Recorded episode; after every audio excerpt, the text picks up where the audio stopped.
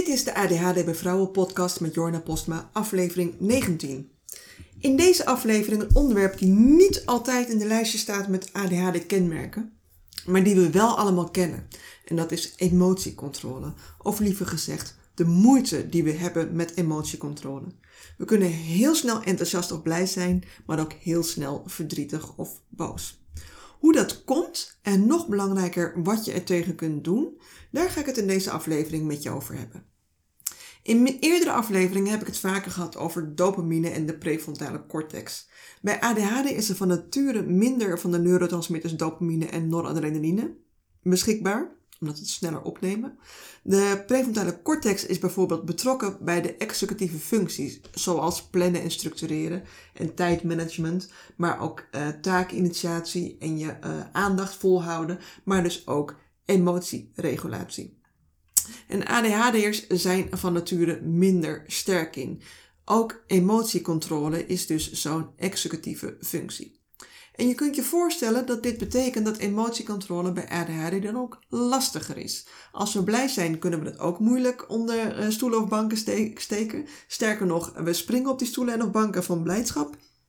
Daarom uh, vermoed ik uh, Tom Cruise ook wel een beetje de ADHD-kant. Misschien ken je dat fragment nog wel dat hij op de banken bij Oprah Winfrey stond te springen. Is ook alweer een hele flinke tijd geleden. Maar dat is in ieder geval wat ik daar nog van kan herinneren. Maar ook verdriet kunnen we bijvoorbeeld moeilijk verstoppen. En als we boos zijn, reken dan maar dat je dat merkt als jij aan de andere kant staat. En omdat er dus minder dopamine en noradrenaline, ik kan het alleen niet uitspreken als stotteraar, omdat er minder dopamine en noradrenaline beschikbaar is, gaat die emotiecontrole dus ook niet zo goed. Uh, want uh, dopamine en noradrenaline zijn neurotransmitters, dus die zorgen voor de informatieoverdracht tussen de ene cel en de andere cel. En je kunt je voorstellen dat als je daar minder van beschikbaar hebt, dat die informatieoverdracht lastiger is, dat het moeilijker gaat, dat het langzamer gaat. En dat betekent bij emotiecontrole dat de rem op onze emoties niet zo goed werkt. Want de prefrontale cortex, dat is de rem op de emoties. Dus wij schieten veel sneller door naar, de, naar in ons angstencentrum of in, ieder geval in onze emoties dan mensen zonder ADHD. Um, en dat betekent eigenlijk dat als we iets voelen, welke emotie dat dan ook is, dat de buitenwereld dat dan ook ziet of merkt. En heel erg lang heb ik het heel erg vervelend gevonden dat ik eigenlijk altijd en overal bij ga huilen. Ik ben echt een uh, crybaby. Ik huil ook bij elke emotie. Of het nou blijdschap is, of boosheid, of verdriet. Ik huil met dikke tranen. Ik kan al huilen als, uh, als ik iets moois zie in de natuur. Dan voel ik het al helemaal opkomen. Of ergens van genieten. Of als iemand anders een verhaal vertelt. Of uh, als er een kuikentje uit een nest valt in een natuurdocumentaire. En dat is natuurlijk niet in elke situatie heel erg handig. Bijvoorbeeld bij een evaluatiegesprek op je werk, dat je oprechte feedback krijgt, welgemeend en opbouwend. Um, maar bij ADHD werkt dus dat stuk dat je tegenhoudt voordat je reageert, een heel stuk trager. Dus dat betekent uh, instant tranen, omdat je je aangevallen voelt en ook eens uh, um, jezelf ook is uh, rejection sensitive dysphoria, daar, komt in de toekomst nog een podcast over, is een ding waarbij je je dus veel meer afgewezen voelt als, als iemand iets zegt dan dat andere mensen dat hebben. Dus dat is instant tranen omdat je je aangevallen voelt. Omdat je pas later, als die eerste reactie is weggeëpt en je de tijd hebt gehad om rustig over de situatie na te kunnen denken, dat je dan pas ziet, oh, maar wacht eens even, zo bedoelde die het helemaal niet. En kans is groot dat je dan ook denkt, ik heb me gewoon weer van mijn slechte kant laten zien. Want ben ik ook een sukkel. Uh, wat natuurlijk geen wonderen doet voor je zelfbeeld. Ik ben hier in ieder geval wel schuldig aan. In de volgende aflevering ga ik ook zeker nog in op ADHD en zelfbeeld. Het is eigenlijk alsof je bij ADHD je emotiecontrolesysteem eigenlijk overslaat en meteen doorschiet naar je reptiele brein. Dat is het oudste deel van de hersenen en in de vlecht, vecht vecht, vlucht en bevriesstand komt. Uh, uh, je gaat er niet spontaan van vlechten. Uh, in de vecht, vlucht, freeze. Dus fight, flight, freeze. Dat is makkelijk uit te spreken. Als ik nu mijn tranen in dat soort situaties analyseer, was dat eigenlijk een freeze-reactie. Ik weet niet meer wat ik moet doen. De onmacht neemt me over en ik bevries. Ik kan niets meer zeggen, niet, niet meer nadenken. Ik heb alleen nog maar die lichamelijke reactie van huilen. Ook met vluchten en vechten heb ik uh, ervaring hoor. Het ligt aan de situatie welke van deze drie primaire reacties de boventoon voert. Ik kan bijvoorbeeld ook heel erg boos worden als ik denk dat ik zelf of iemand anders onrecht wordt aangedaan. Dan is het echt de vechtreactie die de boventoon voert. Woedend, echt ontzettend woedend, out of control. Um, of weglopen in een situatie uh, tijdens een uh, ruzie, dan, dan is het meer de fight, de flight re reactie. Of dat je dan een mentale shutdown hebt, dat een, een ander nog tegen je aan aan het schreeuwen is en jij gewoon als een soort zombie voor je uit zit te staren. Fysiek ben je nog aanwezig, maar je brein is uit, je luistert niet meer.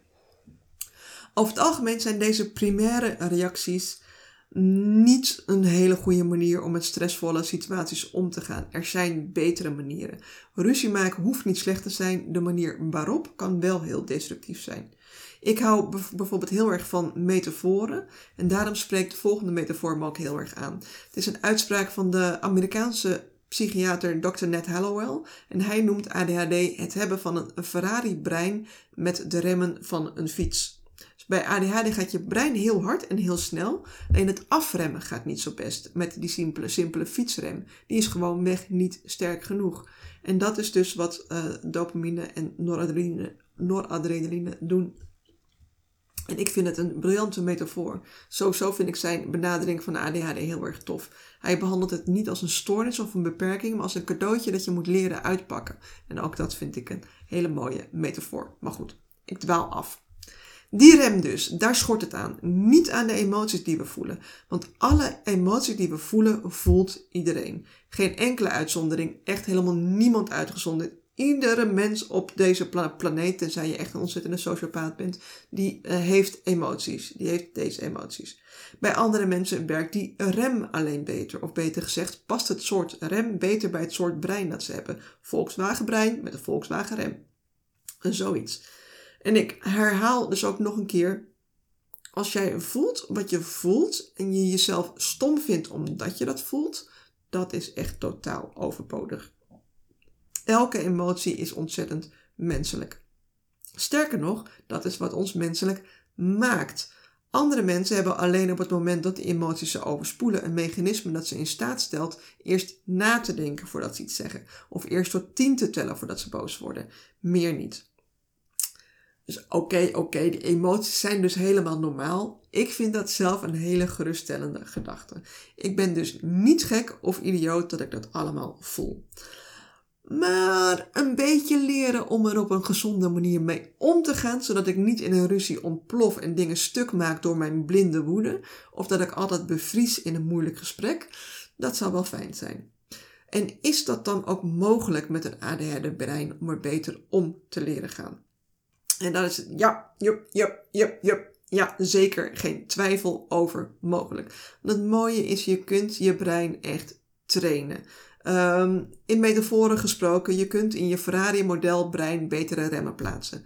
Het worden misschien niet de allerbeste Ferrari-remmen, maar een Volkswagen-rem is echt te doen. Om maar in metaforen te houden. Hoe doe je dat dan? Er zijn een aantal manieren, ik noem er nu drie. En een combinatie van de drie is ook mogelijk. Mensen die ADHD-medicatie gebruiken, merken bijvoorbeeld op dit stuk al veel verbetering. Ik ben geen arts, nog wil ik mensen medicatie aanpraten. Het is een stuk waar je misschien wel met je arts over zou kunnen praten. Zelf slik ik bewust geen medicatie, heb ik wel gedaan. En ik merkte hier inderdaad wel iets, een verschil in medicatie. Uh, was voor mij de bijwerkingen niet waard ten opzichte van het verschil dat ik merkte. En daarom gebruik ik nu geen medicatie. Ook omdat mijn maag het slecht trekt. Um, dus dat is één. ADHD-medicatie kan echt helpen. Twee, mediteren en mindfulness.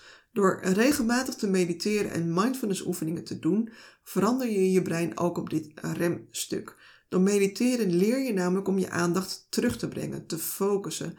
Door regelmatig te mediteren, zelfs al is het maar een paar minuten per dag, bouw je aan sterkere remmen.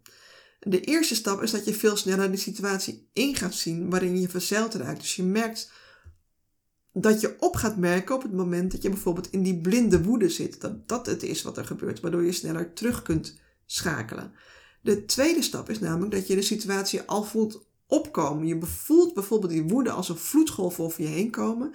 Je kunt het afbreken voordat het je volledig overspoeld heeft.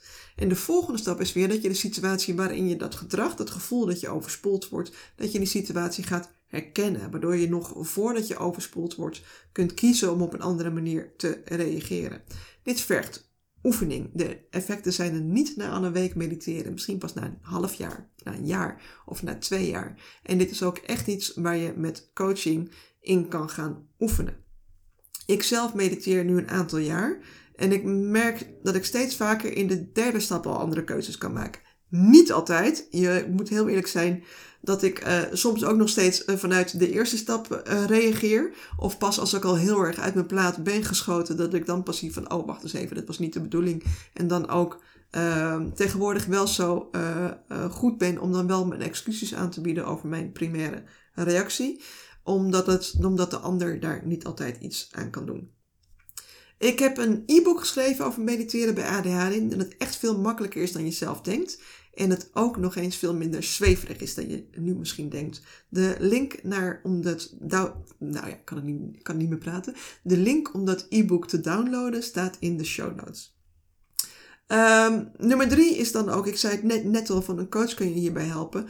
Uh, dat is dus echt hulp van een coach of van een andere professional. Door met een ander die niet emotioneel bij jou betrokken is op je eigen gedrag te reflecteren, ga je veel sneller ook je eigen gedrag inzien. En seeing is freeing. Op het moment dat je zelf ziet wat je doet, is het ook mogelijk er iets aan te doen. Uh, want je moet je gedrag eerst inzien voordat je het kunt veranderen. En ik zelf ben natuurlijk zo'n coach en ook nog eens keer gespecialiseerd in vrouwen met ADHD. Uh, ik heb overigens ook een enkele uh, mannelijke ADHD-coachie. Maar ik ben ook zo'n vrouw met ADHD. En het voordeel is dan ook dat ik je echt niet raar aan ga kijken als je vertelt hoe boos je ergens bent geworden. Of hoe verdrietig of gekwetst. I get it. Ik ken het. Ik ken dat gevoel van je compleet afgewezen voelen als je een opmerking krijgt. En ook wat dat met je kan doen en ook dat je daar woedend over uh, kan worden. In mijn coachingsprogramma zitten dus ook allemaal vrouwen die dit herkennen en leren om het bij zichzelf ook beter te herkennen. Mocht je hier interesse hebben, in de show notes staat een link naar de inhoud van het programma. Maar goed, om deze uh, podcast mee af te sluiten.